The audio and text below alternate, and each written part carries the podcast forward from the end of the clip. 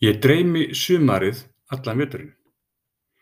Ef því sem nær dregur sumri verða draumarnir grænni og um síðir springur út í raunveru græns hjarta. Þegar það lætur svo lítið að sjá sig og sumarið þá hellist yfir mig depurð því það styttist í haustið og hugurinn sem fallandi lauf. Þannig orðaði kunningi minn eftirvæntingu sína eftir sumrinu og hann helt áfram. Ég vildi að væri alltaf einn til tveir mánuður í sumarið. Alltaf. Ég vakna hvert morgun og það er kortir í sumar. Það er svo ljúft að hugsa til þess að sumar er alveg að koma en ekki alveg því að það viðheldur þeirri mynd í huga sem ég held fast í að sumarið verði. Ég hafði ekki alveg hugsað sumakomin eins og kunningi minn. Mynd sumarsins er skýr í mínum huga. Það sem er verra að myndin framkallast sjálfnast eins og ég myndaði í huga mér. Áður en ég veit af er tíminn útrunnin og, og það er komið haust og mynd sumarsins framkallast ekki. Kanski var þetta sem kunningi minn vildi sagt hafa.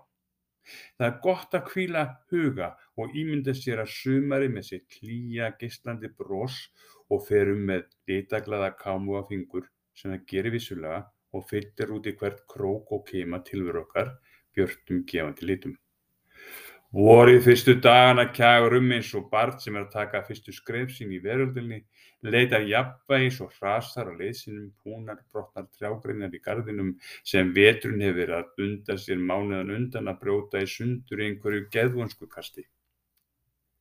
Það ber með sér vorið byrtu sem bendir á ímislegt það sem veturinn skilur eftir sig, leifar af áramótunum og pallinum sem minnir á sóðaskap manneskunar eða mín eigin.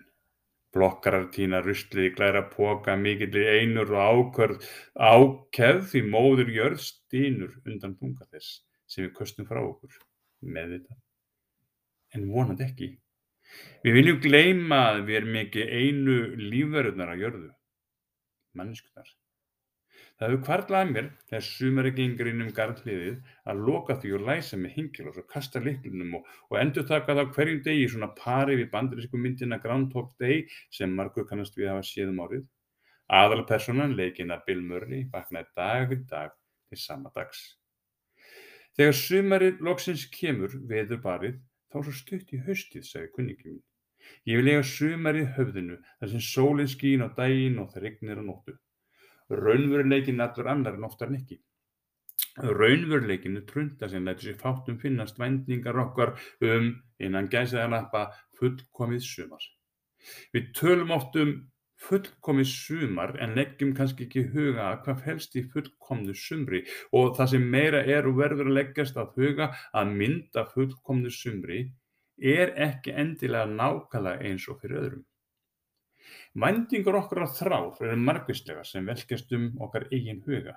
Sumarfríið með fjölskyldun eða vinum, tjaldútilegan, veiðiferðin eða sumabústaðaferðin sem er dagskrá í sumar eru huga brakandi sólarsamband sem fugglandi syngja annari hverju trjágreina bjartri sumanóttu og veröldin allir sinni kyrstendur og haus í nærlingjandi vatni og þögnin Guð minn góður, þögnin gæti verið til útvöknins í fallega skreittri flösku. Hugsa ykkur að heilu palletturnar færi með fraktflugi út í háaða sama veröldinna. Það einu sem þátt að gera í ærandi stórborginni, opna flöskuna útstreymi þögnin og kerfin. Um árið herja manni sem fór í tjald út í leigu, eina helgi, og honum kom ekki dúr á auga. Hann kom heim með bauganir og hnjám að eigin sögn.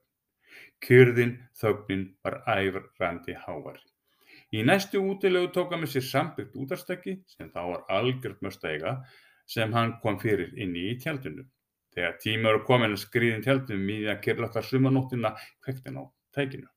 Um eiru hans líf uðnæstlegur umferðaniður sem hann haft fyrir að taka upp á há annað tíma á gaknamótum kringlunar og miklubröðar einhverjum dögum fyrr. Það þarf ekki að hafa orðum að hann svaf eins og unga barn í faðmi móður í tjaldinu í skógarjöðrinu og vaknandi morguns út hvíldur. Umferðarskvaldrið var löngu þagnað en bústir fuglar sungu áfram hver ofan í annan.